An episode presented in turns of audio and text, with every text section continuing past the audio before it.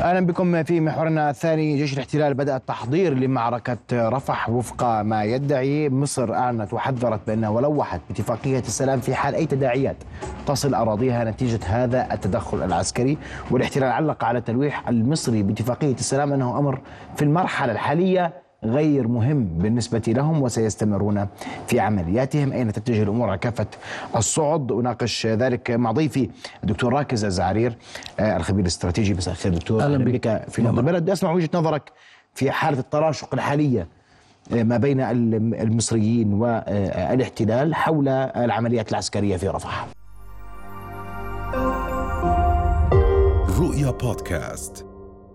مساء الخير الواقع أنه يعني آه، حكومة الحرب في إسرائيل الآن تضغط بشكل كبير جدا لتهيئة ال- آه، آه، آه، جيش الاحتلال لشن ح- حملة عسكرية واسعة على منطقة رفح التي آه، يعني باتت الآن آه، تضم أكثر من واحد ونصف مليون من اللاجئين الفلسطينيين في قطاع آه، جراء الحرب الظالمة التي بدأت في 7 أكتوبر على آه، قطاع غزة. رفح تقع على الحدود آه، آه، المصرية والواقع بأن هناك يعني بالاستراتيجية الإسرائيلية هناك استراتيجيات بعيدة المدى.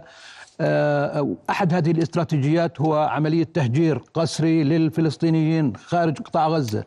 وطوروها لاحقا بعض بعض ال- القيادات الإسرائيلية يكون يعني تهجير طوعي وهذا يعني معنى الكلام هذا ان هناك يعني أن تكون الحدود ال- الحدود المصرية حدود يعني ممكن أن تشهد تدفق من اللاجئين الفلسطينيين في منطقة رفح باتجاه الجانب المصري.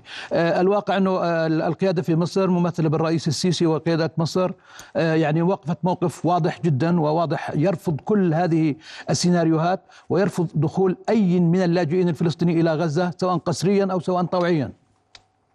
آه، والحاله اللي بنشوفها الآن خلال اليومين الماضيات وهذا ال- وال- وال- واليوم هذا وما ستشهده الأيام القليلة القادمة بأن أن الحملة العسكرية الآن في آه، يعني في أوج آه، إعدادها مصر استشعرت هذا الخطر وبدأت يعني تأخذ موقفا أكثر قوة وحزما بهذا الجانب. أعلنت مصر بأنها نشرت قوات من قواتها من الجيش المصري على الحدود تعزيز القوات المصرية على الحدود آه، مع مع قطاع غزة وخاصة في مواجهة منطقة رفح لرصد أي آه، تهديدات أو عمليات اختراق للحدود آه، مع مصر ثم أن يعني كان على الجانب السياسي كان هنالك إعلان من من قبل مصر نعم. بأن اتفاقية السلام مع إسرائيل هي ستكون يعني مجمدة أو تتعلق هذه الاتفاقية إذا ما تم هنالك أي اختراق لل- لل- لل- للعرف أو العلاقة بين نعم. مصر في هذا الجانب. هذا موقف تحمد عليه مصر نعم. وله أبعاد طيب. قوية على المستوى القومي والمستوى العربي عن قدرة مصر على الثبات بهذا ال- ب- بهذا الخيار وأرحب بالأمين العام للمؤتمر آه، القومي العربي السيد حمدين آه، صباحي. مساء الخير سيد حمدين. أهلا بك في نبض بلد. أهلا بك. مساء الخير. أود أن أسمع آه، وجهة نظرك سيد حمدين في آه، التهديدات تهديدات الاحتلال باقتحام ودخول آه، رفح والتلويح المصري بأن اتفاقية السلام ستكون على المحك في حال تعرضت أراضيها لأي تداعيات لهذا التدخل العسكري. من المؤكد أن معاهدة كامب ديفيد ستسقط إذا هاجمت قوات الاحتلال أهلنا في غزة المحتشدين الآن في رفح. رفح مكتظة بأكثر من قرابه الواحد ونصف مليون من الذين هجروا واراده العدو الصهيوني هو ترحيلهم خارج غزة لأن هذا متسق مع بنية هذا الكيان العدواني اللي قايم على الإحلال إخلاء فلسطين من أهلها وأن يحل محله. ولهذا الخوف الحقيقي والماثل من أن يؤدي اقتحام رفح المكتظة الآن إلى إما درجة أعلى من مسلسل الإبادة الجماعية أو إلى إكراه إخوتنا في غزة إلى الدخول قسرا إلى سيناء. في الحالتين هذا أمر سيسقط كامب ديفيد لأن بموجب هذا الاتفاق المعقود عام 79 هناك مناطق ألف وباء وجيم في سيناء لكل منها تحديد لعدد القوات والمعدات وفي منطقة دال آه، داخل أرض فلسطين المحتلة أي في غزة إذا أقدم نتنياهو على تنفيذ ما يهدد به مرارا الآن وإذا لم يكن ما يقوله هو مجرد لعب الضغط لتحسين موقفه التفاوضي. بعد رد حماس والمقاومة على مقترحات باريس إذا كان يريد هذا فعلا فنحن أمام يعني مأساة إنسانية لا ينبغي السماح لها بأن تتم ومصر الحقيقة ستجد مصر في هذه الحالة نفسها أمام وضع لا يمكن أن تقبله لأنه وضع مشين لمصر أن تقبل إسرائيل بتقول إنها لن تهاجم رفح قبل التنسيق مع مصر وهي مكرهة على ذلك لكي لا تخترق الاتفاقية ما أستطيع أن اسمح لي سيد حمدين أن لكن مصر. اسمع اعذرني نعم. عن المقاطعة لكن آه، الاحتلال لم يهد اهتماما ولم يبدي هذا الاهتمام بالتصريح المصري وقال أنه ماض بعمليته ايا كان. فليمضي في عمليته. لكن مصر عليها أن تمضي أيضا في احترام ما أعلنته أنها لن تسمح بأن آه، يقدم جيش الاحتلال الصهيوني على الدخول إلى رفح. هذا حق لمصر. مش بس حق مصر باعتبار دي الدولة العربية الكبرى صاحبة التاريخ العظيم والطويل في الصراع العربي الصهيوني في جولات متعددة ولا إنها البلد الأكبر لكن أيضا لأن ده تهديد مباشر لأنها وهو أيضا حط من قدر مصر وتحدي نتنياهو لمصر. يضع مصر أمام حاجة من الاثنين يا تح- يا تحترم نفسها ومكانتها وقيمتها ودورها وقدرها وهو عظيم جدا في تاريخنا. وحتى الآن يا إما أن ترضخ لإرادة نتنياهو. أعتقد أن مصر غير مستعدة لا شعب ولا جيش ولا موالاة ولا معارضة أن يقبلوا أن نتنياهو يعني يحط من قدر مصر ويهينها ويعتدي عليها ويضرب عرض الحائط بالتحذير الواضح الذي واجهته وقالت فيه إنها لن تسمح بأن يدخل في عملية برية في رأس. أعتقادي إن العلاقات المصرية الإسرائيلية بالغه التوتر وقد تؤدي حماقة نتنياهو إلى أن تدخل في انهيار لاتفاقية كامب ديفيد ودخول مواجهة مباشرة بين مصر وإسرائيل. اسمح لي سيد حمدين واستغل وجودك معنا وأتحدث أيضا عن رفح الذي تضاربت فيه التصريحات ما بين الخارجية والرئاسة المصرية حول حال المعبر وبين ادعاءات الاحتلال أمام محكمة العدل الدولية وأيضا تصريحات الرئيس الأمريكي الذي يحمل مصر مسؤولية عدم فتح معبر رفح. تعقيبك على هذا التضارب في التصريحات. لا هو في آه، آه، يعني حقائق يعني ينبغي أن تكون واضحة. معبر رفح يخضع لإدارة مصرية فلسطينية مع رقابة من الاتحاد الأوروبي. طبعا ده وضع ترتب بعد انسحاب الكيان الصهيوني من غزة 2005. وبقت الإدارة ما بين مصر والسلطه الفلسطينية ومع حماس من بعد 2007 ومن ثم المفروض إن الكيان الصهيوني ليس له أي علاقة بمعبر. اللي حصل إن معبر رفح كان مفتوح طول الوقت من جانب مصر وإذا كان كان بيتم إغلاقه أحيانا ده الكلام ده قبل طوفان الأقصى كان يبقى بقدر من الضرورات أو التفاهمات. وفي عدوانين سابقين من الحملات المتكررة للعدو الصهيوني على غزة كان المعبر بيفضل مفتوح في فترة الرئيس مبارك.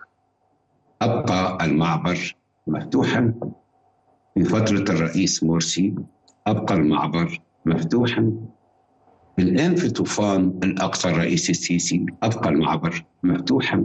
والحقيقة أن ما قاله الرئيس الأمريكي بايدن منذ أيام غير دقيق. وروايته أنا شخصيا أثق أنها غير صحيحة لأنني أعلم علم مباشر من مسؤولين أمنيين رفيع المستوى في مصر من اليوم الأول في طوفان الأقصى. حرصهم وقرارهم بفتح المعبر وإنه تعرض مرتين لقصف إسرائيل في المسافة ما بين بوابة المعبر المصرية والبوابة الفلسطينية في غزة وإن السلطات المصرية هي التي بادرت وبسرعة لإصلاح ما خربه القصف الإسرائيلي لتتمكن الشاحنات من العبور. مصر لم تغلق المعبر على عكس ما ادعت إسرائيل أمام محكمة العدل وعلى عكس ما صرح به الرئيس الأمريكي بايدن. نعم لكن الحقيقة إن عبور الشاحنات من الجهة المصرية اللي مصر كانت تسمح به دائما لم يكن يعني أنها تصل إلى اخواتنا في غزة لأنها كانت بتعبر من رفح معبر رفح في منتصف المسافة على الحدود ثم تتجه إلى كرم أبو سالم حيث تقوم سلطات الاحتلال بتفتيشها وتمنحها صلاحية المرور أو تمنعها. يعني رغم ان مصر هي اللي فاتحة إسرائيل هي للأسف اللي انتزعت سلطة المنح والمنع أو التصريح بالدخول أو عدمه. وأنا كان اعتقادي من أول لحظة وهذا ما صرحت به القوى الوطنيه في مصر إن مصر كان عليها أن تتدخل لمنع إسرائيل من أن تقوم بدور المفتش مما يعني إنها بتعوق الإرادة المصرية. لكن مصر بريئة من أي اتهام باغلاق معبر أشكرك كل الشكر الأمين العام للمؤتمر القومي العربي حمدين صباحي كنت مباشرة معنا علقت على تلويح بعملية السلام أو باتفاقية السلام وعلقت أيضا على قضية معبر رفح كل الشكر لك. تراكز أسمع منك وجهة نظرك كما سمعت من من حمدين صباحي والموقف المصري. واليوم موقفين واضحين. معبر رفح مفتوح ومتاح من الجانب المصري عكس كل التصريحات الأمريكية والإسرائيلية. ورفح ستضع المعادلة المصرية أمام معادلة هي الأصعب منذ كام ديفيد بالتأكيد يعني الموقف المصري موقف صعب جدا للغاية و يعني راح يواجه معضلة كبيرة إذا تم تنفيذ العملية العسكرية التي يخطط لها حاليا من قبل حكومة الحرب في إسرائيل. لكن هناك احتمالات أيضا واردة بأن هذه تكون بأن هذا التخطيط وهذا التلويح بالعملية العسكرية هي لغايات يعني تحسين شروط التفاوض الإسرائيلية لاتفاق إطارات لاتفاق إطار باريس آه الذي سيعقد يوم الثلاثاء آه لقاء قمة بين مدراء الاستخبارات في الولايات المتحدة آه ومصر وإسرائيل وقطر لبحث الشروط التي وضعتها حماس في ردها على المبادرة. والواقع أنه هذا الاجتماع راح يكون مهم جدا للغاية اللي راح يصير يوم الثلاثاء.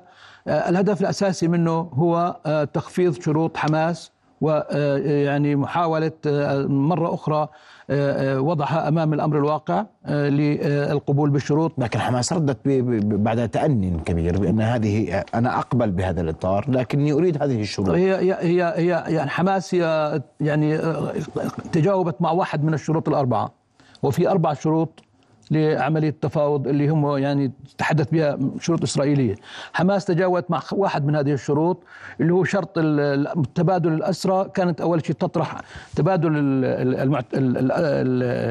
المعتقلين الإسرائيليين اللي عند حماس مع مع كافة الموقوفين أو المعتقلين نعم. الفلسطينيين نعم. في, في في إسرائيل حماس بردها قالت بأنها تقبل بمبادلة كل المعتقل الأسرى الإسرائيليين بعدد مقبول من الأسرى الفلسطينيين المعتقلين في إسرائيل. يعني هذا كانت النقطة اللي خلت يحكوا في حوار إيجابي هذا الموضوع. لكن في الشروط الأخرى الحقيقة التي لا لم تقبل بها حماس وهي المتعلقة بوقف كل العمليات العسكرية والصواريخ يعني رشق الصواريخ. النقطة الثانية اللي كانت أيضا تطالب فيها إسرائيل هو تجريد حماس من من الأسلحة الهجومية. والشرط الرابع والمهم جدا هو أن إبعاد قيادات قيادات من حماس خارج القطاع. إسرائيل خفضت شرطها الرابع هذا بإبعاد يعني كانت حاطة قائمة بحوالي 160 من قيادات حماس في في في في, في القطاع.